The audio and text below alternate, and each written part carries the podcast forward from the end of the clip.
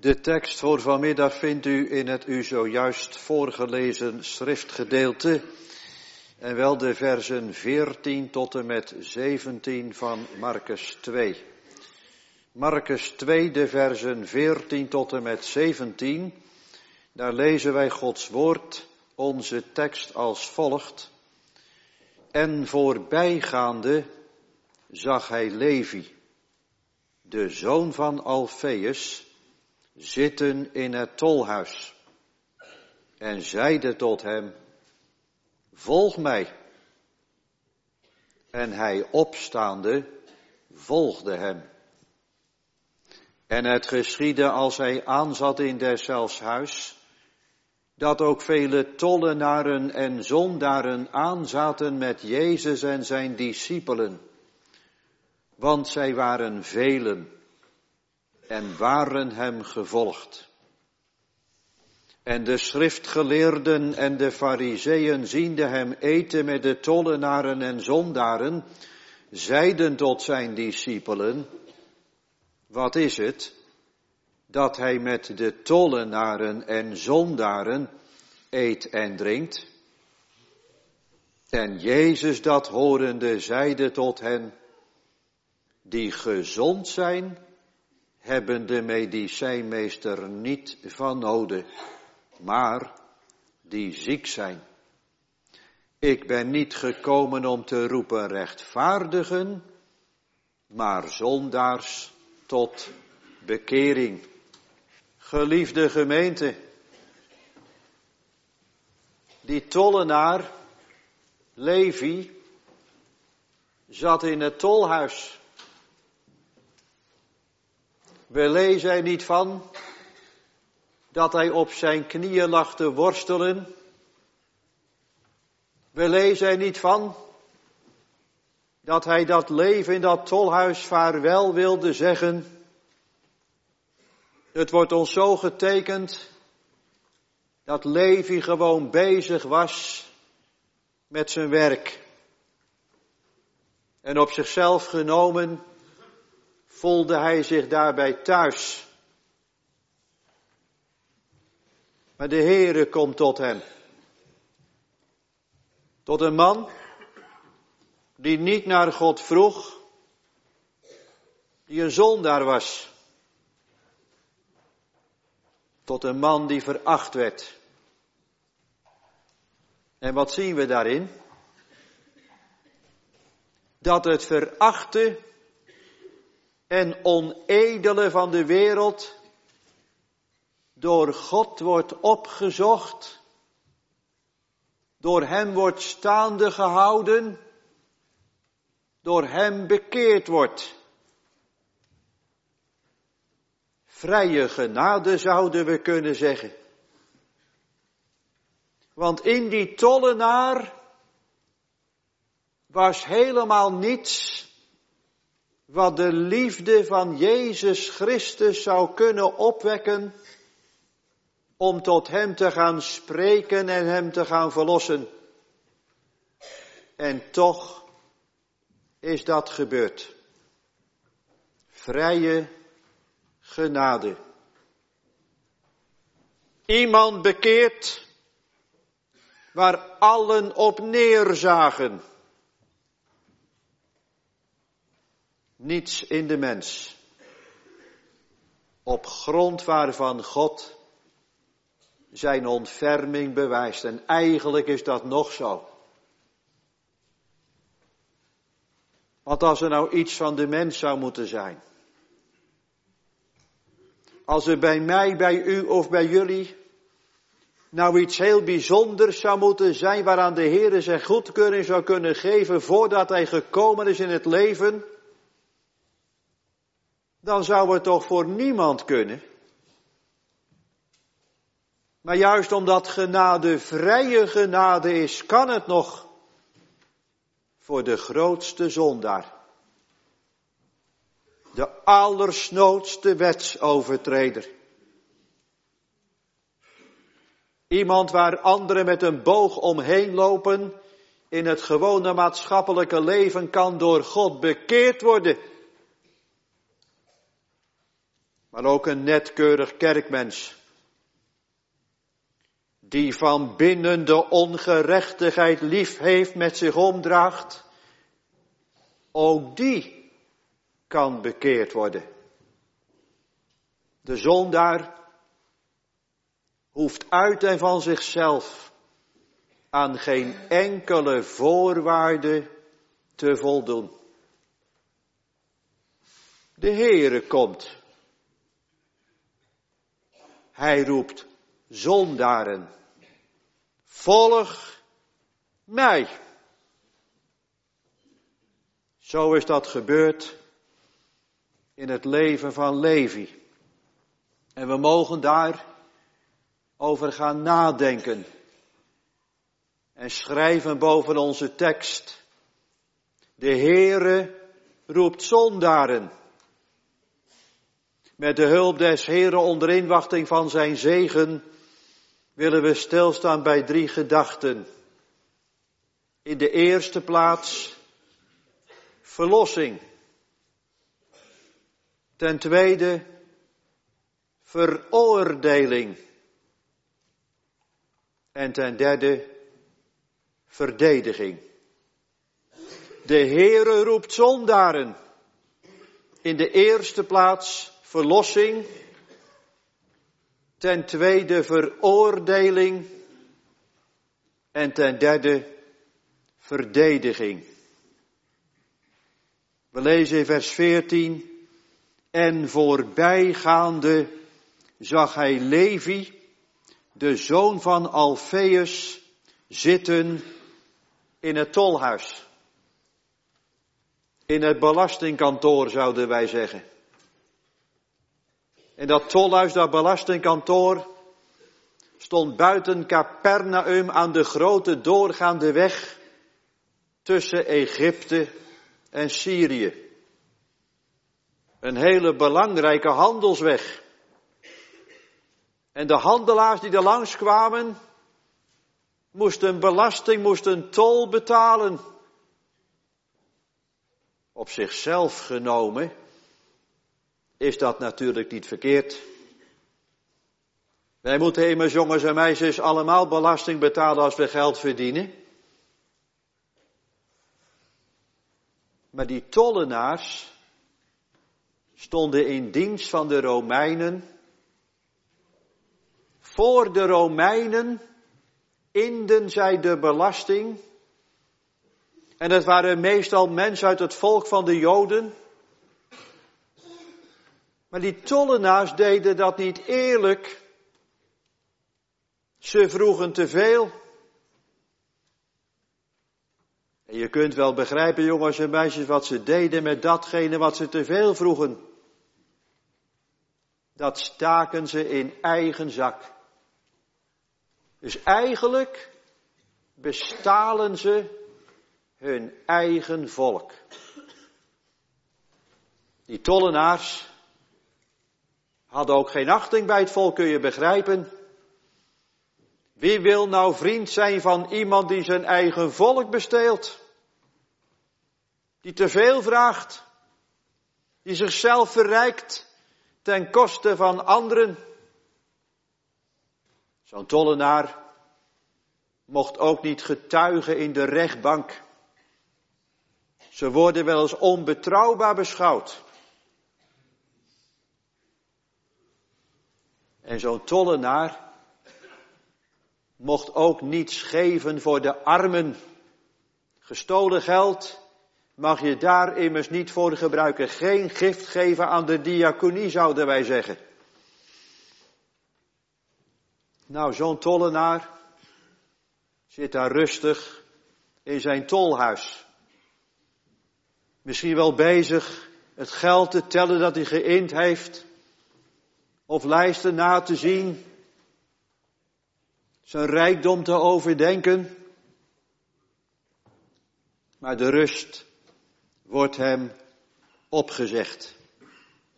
En voorbijgaande zag hij de zaligmaker Levi, de zoon van Alfeus, zit in het tolhuis. Hij zag hem.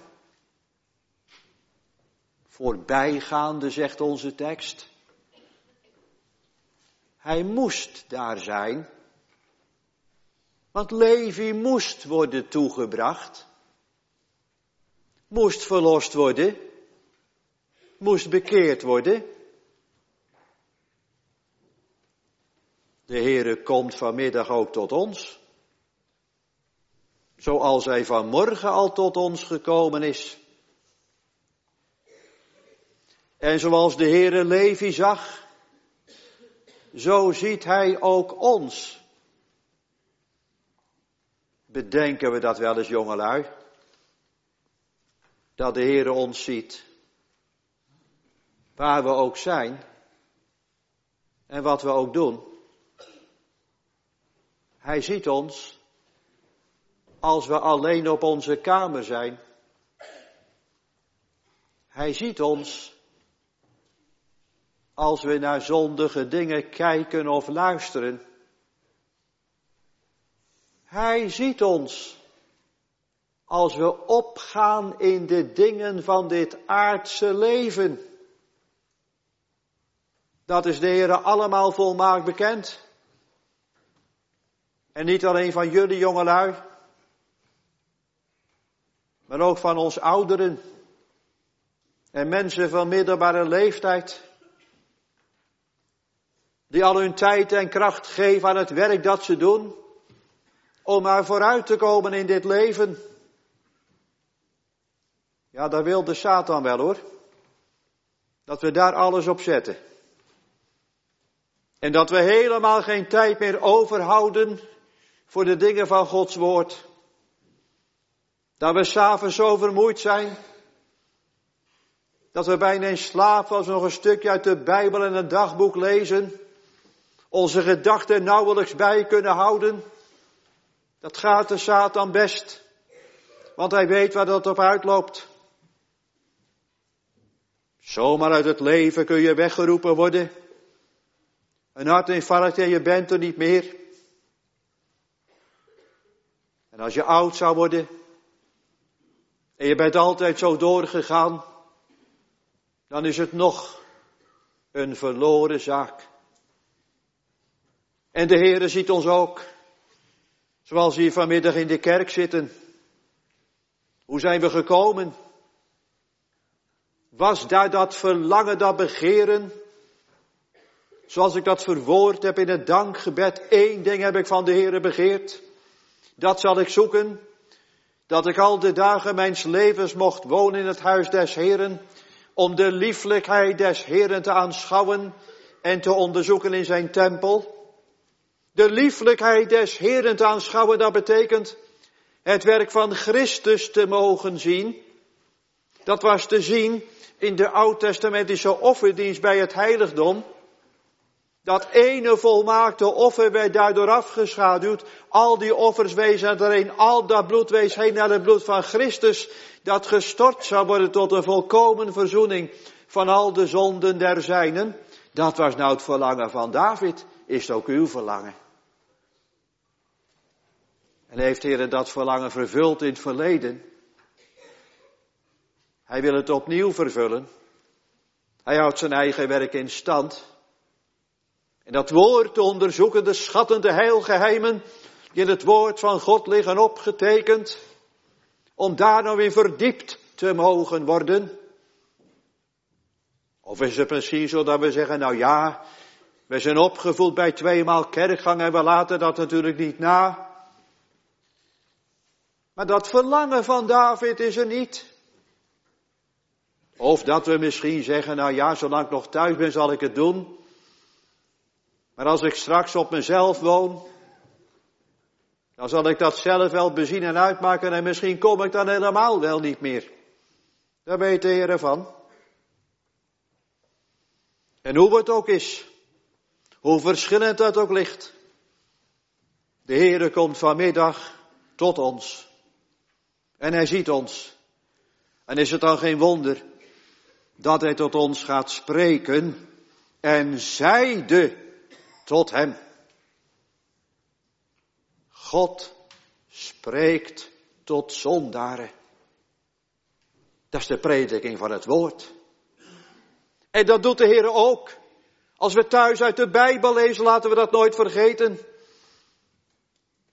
Daar is misschien en vergun met de uitdrukking geen toetje naar de maaltijd als we nog lezen na het eten. Nee, dan spreekt God. En dan past ons eerbied en diep ontzag. Dan hebben wij te luisteren. En wat gaat de Heer tot hem spreken? Gaat de Heer hem veroordelen?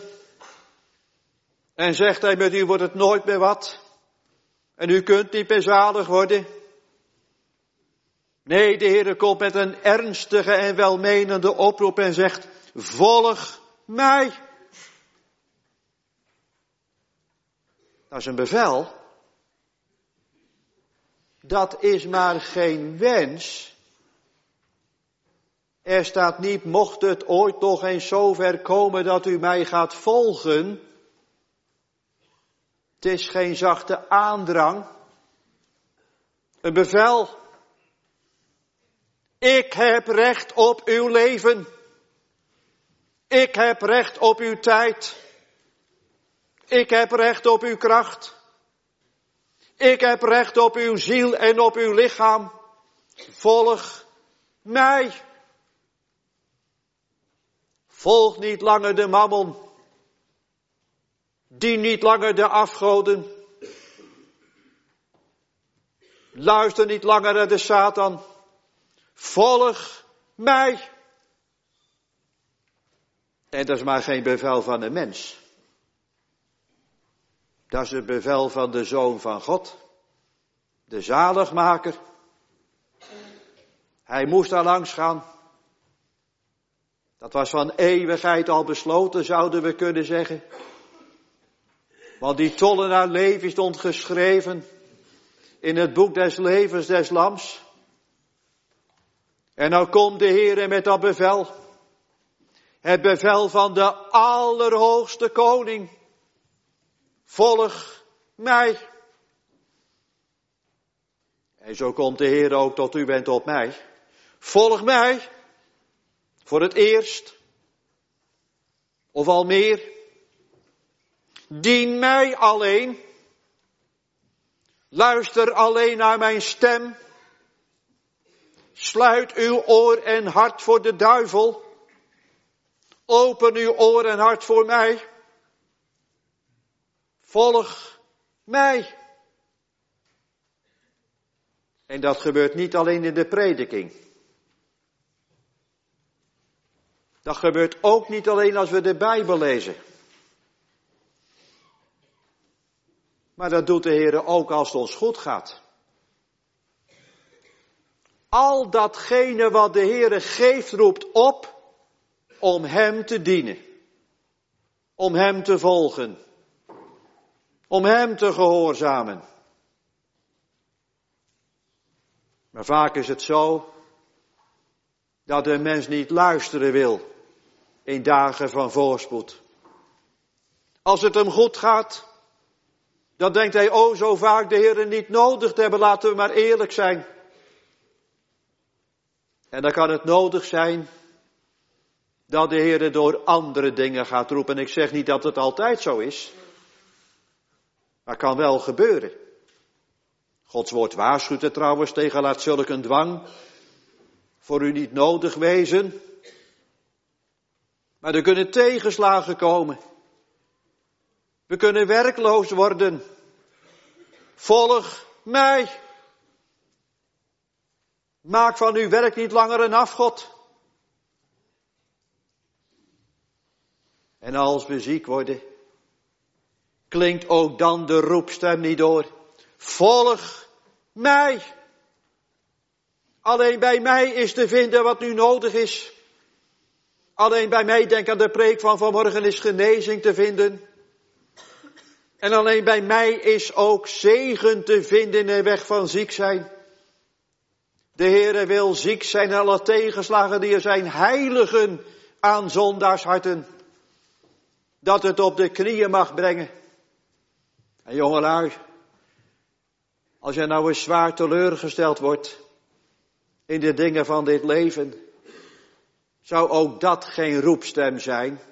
Volg mij,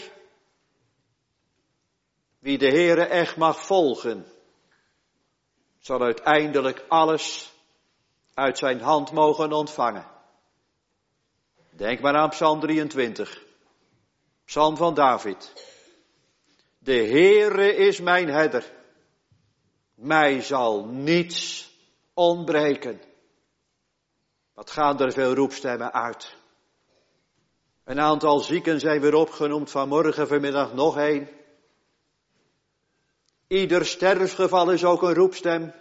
Volg mij. Ik ben de levensvorst. Bij mij is leven te vinden voor des doods schuldigen. Volg mij. En wie zijn wij dan, geliefde gemeente? Dat we die roepstemmen naast ons neer blijven leggen. Dat we dat durven. Zouden wij in het gewone maatschappelijke leven een bevel van de koning zomaar naast ons neer durven te leggen? Denk het niet. Maar het bevel van de allerhoogste koning leggen we zomaar naast ons neer. We gaan door. Alsof er geen roepstemmen zijn uitgegaan. En dan komt opnieuw vanmiddag die roepstem tot ons allen. Volg mij. En nou het wonder, geliefde gemeente. We zouden zeggen, die tollenaar Levi had het goed. Zijn toekomst was verzekerd. Geld genoeg. Hij kon jaren vooruit. Maar de Heere past die eenvoudige enkele woorden toe aan zijn hart. Eén woord zouden we kunnen zeggen met de tekst van vanmorgen. Volg mij. En hij opstaande volgde hem. Ja, als de Heere werkt, dan wordt de mens niet gedwongen hoor. Dat schrijft ook Hellebroek in dat bekende categorisatieboekje van vroeger. God dwingt de mens niet. Maar hij maakt hem gewillig. Stort liefde uit in het hart. En dan kost het geen moeite om dat tolhuis achter zich te laten. Levi doet wat de Heere zegt en toepast en werkt in zijn hart. En hij opstaande volgde hem. Dus daar komt een andere levensgang bij Levi. Het woord van God, het onderwijs van de zaligmaker wordt zijn norm. Het woord van God tot een lamp op zijn voet, voor zijn voet en een licht op zijn pad. Wat wilt gij dat ik doen zal? Is dat al gebeurd, geliefde gemeente? Heere, mag ik u dienen? Leer mij, o God van zaligheden, mijn leven in uw dienst besteden. Volg mij. En denk ook eens aan het teken en zegel van het genadeverbond. Dat wij allemaal of bijna allemaal aan ons voorhoofd dragen. Ook daarin klinkt de eis al door. Volg mij. Denk aan de nieuwe gehoorzaamheid, waar het doopsformulier over spreekt. Niet meer gehoorzamen aan de duivel, de wereld en de zonde, maar gehoorzamen aan de Heere. Liefde tot zijn woord en tot zijn dienst is werkelijkheid geworden. Dat is vrije genade. Daar zei ik iets van in de inleiding. Ook wij als kerkmensen zoeken van nature God niet. Maar God zoekt verloren zondaren. Hij komt tot hen. En hij ziet graag dat ze komen. Dat zijn woorden gehoorzaamd worden. Volg mij. En Levi mocht het doen. Een van de discipelen worden. Zijn andere naam is Matthäus. Heeft het evangelie naar Matthäus mogen schrijven. Wie had dat gedacht? Iemand die goed was. In het opschrijven van allerlei bedragen. Nu mocht het evangelie te boek stellen. Juist voor de Joden. Want in dat evangelie naar Matthäus lezen we zo vaak. Opdat vervuld zou worden. Een Jood. Waar iedereen met een boog omheen liep. En waar iedereen op neerzag. Een discipel en apostel. Van de zaligmaker geworden. Verlossing. Verlost. Uit de slavernij van de zonde. Verlost uit dat tolhuis. Om de Heere te mogen dienen. Hier in het beginsel. En eenmaal volmaakt. Wat een wonder. En is daar nu verwondering over? Het tegenovergestelde. Veroordeling. Dat leidt tot onze tweede gedachte. Vers 15. En het geschiedde als hij aanzat in deszelfs huis, dus de zaligmaker zit aan de maaltijd bij Levi, dat ook vele tollenaren en zondaren aanzaten met Jezus en zijn discipelen. Levi richt een afscheidsmaaltijd aan. Dat is liefde dat hij dat doet. Hij vertrekt niet met stille trom om het zo te zeggen, nee. Hij maakt duidelijk bekend aan zijn vroegere vrienden en bekenden, tollenaren en zondaren, wat er gebeurd is in zijn leven. Spreekt dat niet van gunning, dat hij graag zou zien dat ook die andere tollenaren en die zondaren de Heer Jezus zouden gaan volgen. Kennen we die gunning ook? U onder ons, die de Heere mag volgen, gun je het nou anderen? Als het nou echt goed mag liggen, geliefde gemeente, dan gun je niemand aan de duivel. Geen één gemeentelid. Geen één inwoner van Sliedrecht. Geen één collega. Geen één medestudent. En dan zul je met die Romeinse hoofdman bidden en smeken en worstelen. En ook in alle eenvoudigheid. Goed proberen te spreken van de Heere, van zijn woord en van zijn dienst. En de zaligmaker was daar. Die zal daar niet gezwegen hebben.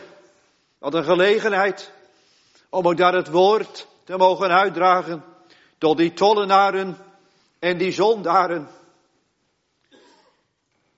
En zij die nou de Bijbel hadden, die heel veel wisten van Gods woord, waren zij nou blij met datgene wat er gebeurde?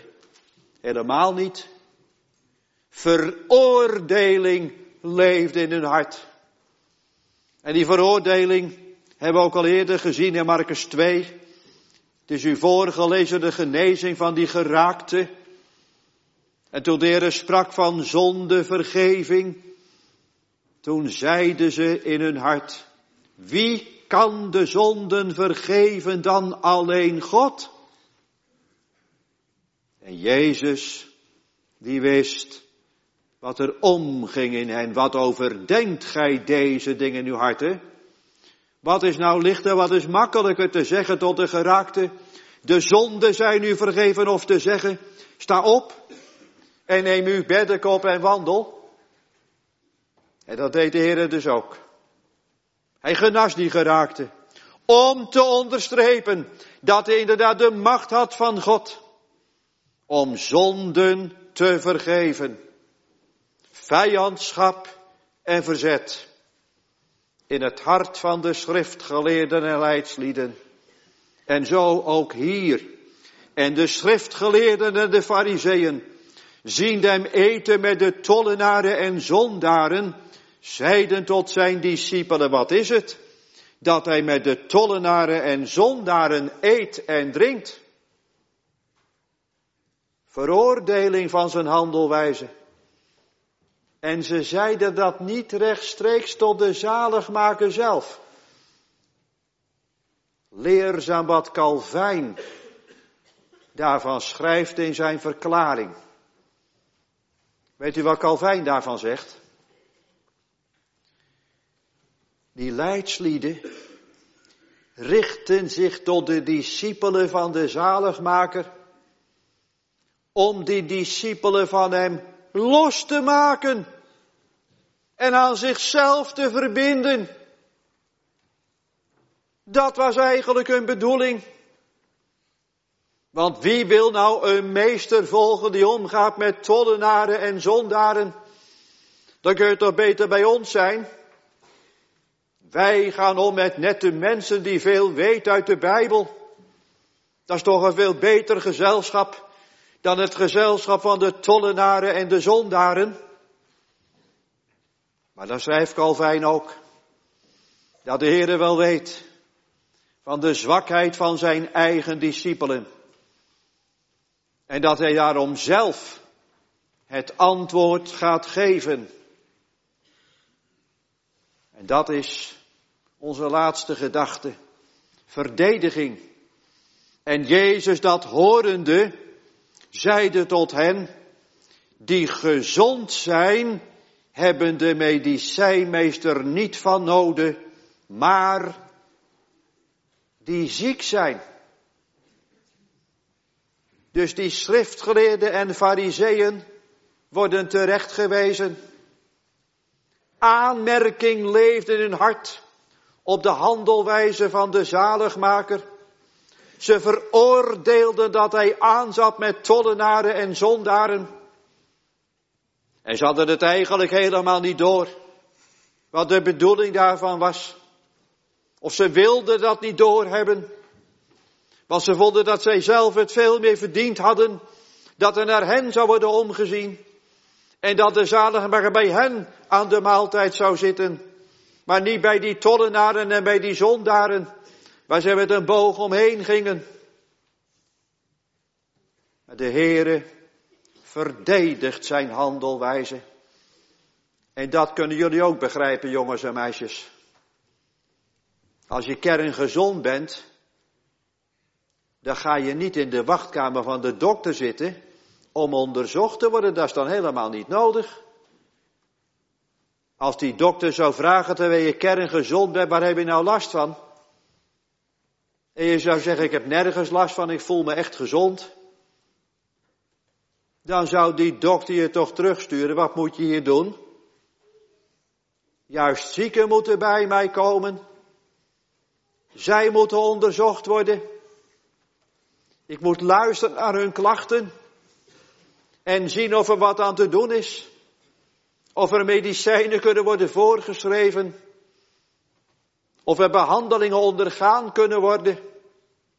De gezonden hebben de medicijnmeester niet van nodig, maar zij die ziek zijn. Ziek zijn. Daar ligt dus ook heel wat in opgesloten.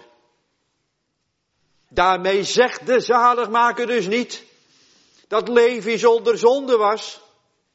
En dat die tollenaren en die zondaren zonder zonde zijn. Nee, hij zegt dat ze ziek zijn.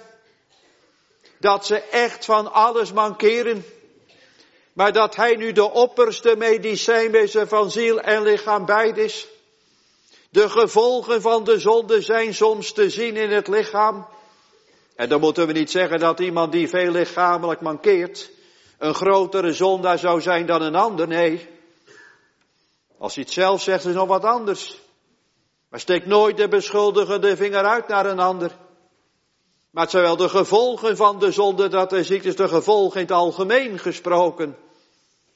En de zonden zelf.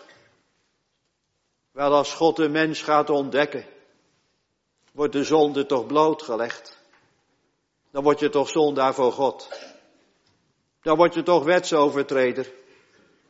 Dan moet je toch zeggen, aan mij deugt helemaal niets. Ik heb al zoveel verkeerde zondige dingen gedaan. En ik heb al zoveel nagelaten wat de Heer mij opdroeg. En er zijn al zoveel zondige woorden over mijn lippen uitgegaan. Kwetsende woorden. Roddel. Laster. Daar zijn we goed in. En goede dingen over anderen verspreiden, dat ligt ons moeilijk. En dan de gedachten, de begeerten van binnen. Het is maar goed dat een ander niet in ons hart kan kijken wat daarin omgaat. We zouden ons diep en diep schamen. Maar de Heere ziet alles. Wel, nu zegt de zaligmaker, zulke zondaren hebben mij juist nodig. Juist die leven die vast zat in dat tolhuis, moest daaruit verlost worden. Als een dokter naar zieke mensen toe gaat, dan mag je daar toch geen aanmerking op maken, dan moet hij juist zijn. Als je alleen maar zou aanbellen bij mensen die gezond zijn, dan zouden we zeggen dat is een slechte dokter. Maar een goede dokter gaat juist naar patiënten toe die veel mankeren. Probeert mee te leven, te helpen, middelen voor te schrijven enzovoort. Met de hoop in het hart dat er genezing mag komen. Wel, zo moet de zaligmaker tot juist bij grote zondaren zijn om hen te verlossen. En nu komt het erop aan, geliefde gemeente, hoe wij nu staan tegenover God vinden we dat het met onszelf nog wel meevalt. Nou ja, we doen wel wat zonde misschien en we zijn toch allemaal zondaren in wezen. Maar als je nou vergelijkt met mensen die zich uitleven in de zonde, dan valt het er nog wel mee. Dan is er nog geen plaats voor die opperste medicijnmeester van ziel en lichaam beide. En dan komt de Heer met zijn ontdekkende woord tot u. We zijn melaats. Helemaal. Van boven tot beneden, van de hoofdschedel af, tot de voedsel toe. Dat zegt Gods woord. In de gewone melaatsheid wordt de melaatsheid van de zonde ons getekend. Het valt niet mee met ons. En zo komt de Heer eerlijk tot ons met het woord dat ons ons zelfportret voorhoudt. Zo is de Heer vanmorgen gekomen met zijn wet, die veroordelende wet. Nee, niet als een doel in zichzelf. Niet om daarin om te komen voor eeuwig. Maar opdat mensen die hun zondigheid te zien krijgen, Wier ogen geopend worden voor hun ongerechtigheid. De schuld en zonde gaan beleiden. En vergeving gaan afsmeken van de Heere. Bij wie vergeving is te vinden. Opdat hij gevreesd zou worden. Want dat is het evangelie. Dat de zaligmaker juist op deze wereld is gekomen om vergeving te verwerven.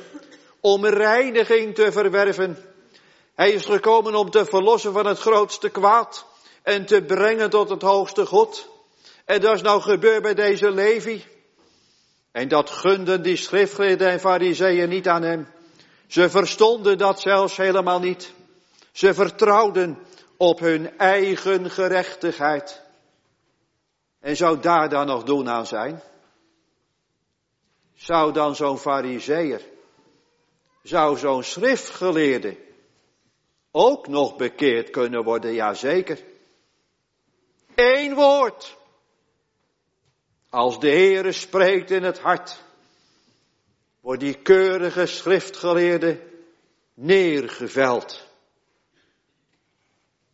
En dan denk ik aan Saulus op de weg naar Damascus. Hij wist o zoveel van de Bijbel af. En probeerde te leven naar de voorzitter van Gods woord. En hij dacht zeker wel dat het goed zou gaan. En toen dat ene woord. Niet Saulus, het gaat goed met u. Niet Saulus, u zult zalig worden. Saul, Saul, wat vervolgt gij mij? Een veroordelend woord. Al datgene waar hij op betrouwde, werd hem uit handen geslagen. De opperste medicijnmeester moest ook bij hem zijn. Om hem te ontdekken aan zijn zonde en schuld. Om hem tot schuldbeleidenis te brengen. Schuldvergeving te doen afsmeken. En vergeving te ontvangen. Op grond van zijn eigen werk, het werk van Christus, die tot hem gesproken had, zal, zal, wat vervolgt gij mij? En ook deze zondaar tot een volgeling gemaakt. Een prediker van het evangelie van vrije genade. Die gezond zijn, o geliefde gemeente, als u denkt dat het wel meevalt. Als u denkt dat u kunt bestaan voor God met een trouwe kerkgang. En met al datgene wat de mens denkt te kunnen doen om zalig te worden, dan is het mis. Het is ook mis als we met een leven blijven zoeken in de dingen van dit leven. Ik las hoe in de vorige eeuw een schip met gouddelvers ten onder is gegaan. Die waren allemaal rijk geworden door goud te delven uit de goudmijnen. En ze hadden hun schatten meegenomen uit Zuid-Amerika naar Noord-Amerika om daar onbekommerd vele jaren te gaan leven. Maar er stak een storm op. En er waren veel te weinig sloepen om al de opvarenden van dat schip te kunnen bergen. De meesten moesten achterblijven met hun goud. En ze gooiden dat goud van zich af. Want ze zagen, nu wordt het sterven. Ja, zo zal het zijn, geliefde gemeente. Als we het zoeken in de dingen van dit leven. Aan het einde van het leven moet je alles achterlaten. Dan kun je helemaal niets meenemen. En nu komt er nog tot ons. Volg mij. Verlaat toch de afgoden van deze tijd. Verwacht het daar niet langer van. Maar zoek het alleen bij mij. En in die woorden komt de Heere zelf mee. Hij verheerlijkt zijn genade. Die grote zondaar Levi toegebracht en tot een discipel geworden. Denk eens aan Rahab uit het Oude Testament. Koning Manasse, Saulus een vervolger. Allen door de Heere toegebracht. Dus laat u niet wijsmaken door de duivel dat het niet meer kan. Kijk, in dit leven kan het voorvallen dat je naar de mens gesproken te laat naar de dokter gaat. Of dat je misschien wel op tijd bent gegaan, maar ja, die dokter moet constateren, er is geen hoop meer. Dat is bij deze medicijnmeester nooit het geval. Gans hulpeloos en ook hopeloos en verloren tot hem gevloden, zal hij ten redder zijn. Hij spreekt en het is er. Hij gebiedt en het staat er. Volg mij. Christus niet gekomen om te roepen rechtvaardigen staat hier, maar zondaars tot bekering. Rechtvaardigen. Nee, niemand is wezenlijk rechtvaardig, maar mensen die denken dat ze rechtvaardig zijn, geen last hebben van hun zonde, op anderen neerzien. Die laten dat woord langs zich heen gaan. Maar die zondaren, die ontdekt zijn door God aan hun ongerechtigheid. Daar is plaats voor het werk van de zaligmaker. En nogmaals, geliefde gemeente, aan onze zijde hoeft aan geen enkele voorwaarde te voldoen. Laten we dat toch nooit geloven. Hoe groot de zonde ook is, hoe diep we ook vastzitten in de modder van de ongerechtigheid. Eén woord. En de Heere zal daaruit verlossen. Zullen we groot denken van de almacht van God? En deze Levi, deze Matthäus, heeft het evangelie mogen opschrijven. En dan lees ik in zijn evangelie in het 11e hoofdstuk, het 23e vers. En gij Capernaum, daar stond dat tolhuis bij. Daar waren wonderen gebeurd. En gij Capernaum, dat tot de hemel toe zijt verhoogd. Gij zult tot de hel toe nedergestoten worden. Want zo in Sodom die krachten waren geschied die in u geschied zijn. Het zou tot op de huidige dag gebleven zijn. Doch ik zeg u, dat het den landen van Sodom verdraaglijker zal zijn in de dag des oordeels dan u. Een ernstige waarschuwing aan het adres van Capernaum. En als de inwoners van Capernaum dat gelezen hebben, was dat ook weer een oproep. Volg mij. Ook al hebt u tot op heden dat woord van mij verworpen. Volg mij. En dat geldt nu dus ook. Oude zondaren, die nog steeds voor eigen rekening voortleeft. Het kan nog. U bent nog in het heden der genade. De Heere komt ook vanmiddag tot u. Volg mij. Zoek het toch alleen bij mij. En het kan, ook als je oud geworden bent. Denk eens aan die moordenaar. De laatste ogenblikken van zijn leven waren aangebroken. Zijn ogen werden geopend. Ik hang hier rechtvaardig. En hij zei het ook tot zijn medemoordenaar.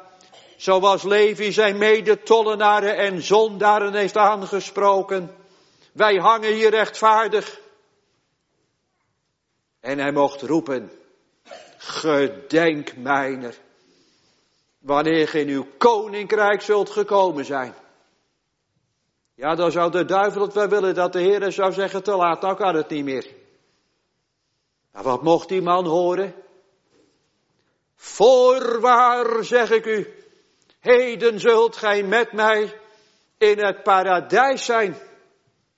En diezelfde dag nog mocht zijn ziel ingaan in hemelse heerlijkheid. O geliefde gemeente, we zijn nog in het heden der genade. Zoek toch de Heere terwijl hij te vinden is. En roept hem aan terwijl hij nabij is. Ja, maar dominee, als u eens wist wat ik allemaal gedaan heb. Waar ik allemaal mee bezig ben geweest. Wat ik aan gedacht heb. Waar mijn hart naar is uitgegaan. Waar ik naar gekeken en geluisterd heb dan kan het niet meer. Nee, buiten Christus kan het inderdaad niet. Al zouden we maar één zonde doen. Vervloekt is er ieder die blijft in al hetgeen geschreven staat in het boek der wet om dat te doen. De vloek en het oordeel. En dan moeten we de duivel zelfs gelijk geven, dat is waar. Hij legt de vinger bij onze overtredingen. Het geweten moet het beamen, maar nu heeft God zelf voor verlossing gezorgd in zijn Zoon, de Heere Jezus Christus. Verlossing voor grote zondaren en zondaressen, die net als Levi door genade geroepen worden, getrokken worden, de liefde Gods uitgestort krijgen in hun hart om de Heere te gaan volgen en het ander ook te gaan gunnen. En dan zal de Heer het waarmaken. Al waren uw zondags galaken, ze zullen wit worden als sneeuw. Al waren zij rood als karmozijn, zij zullen worden als witte wol. Bij de Heere is veel vergeving, opdat hij gevreesd zou worden. Amen.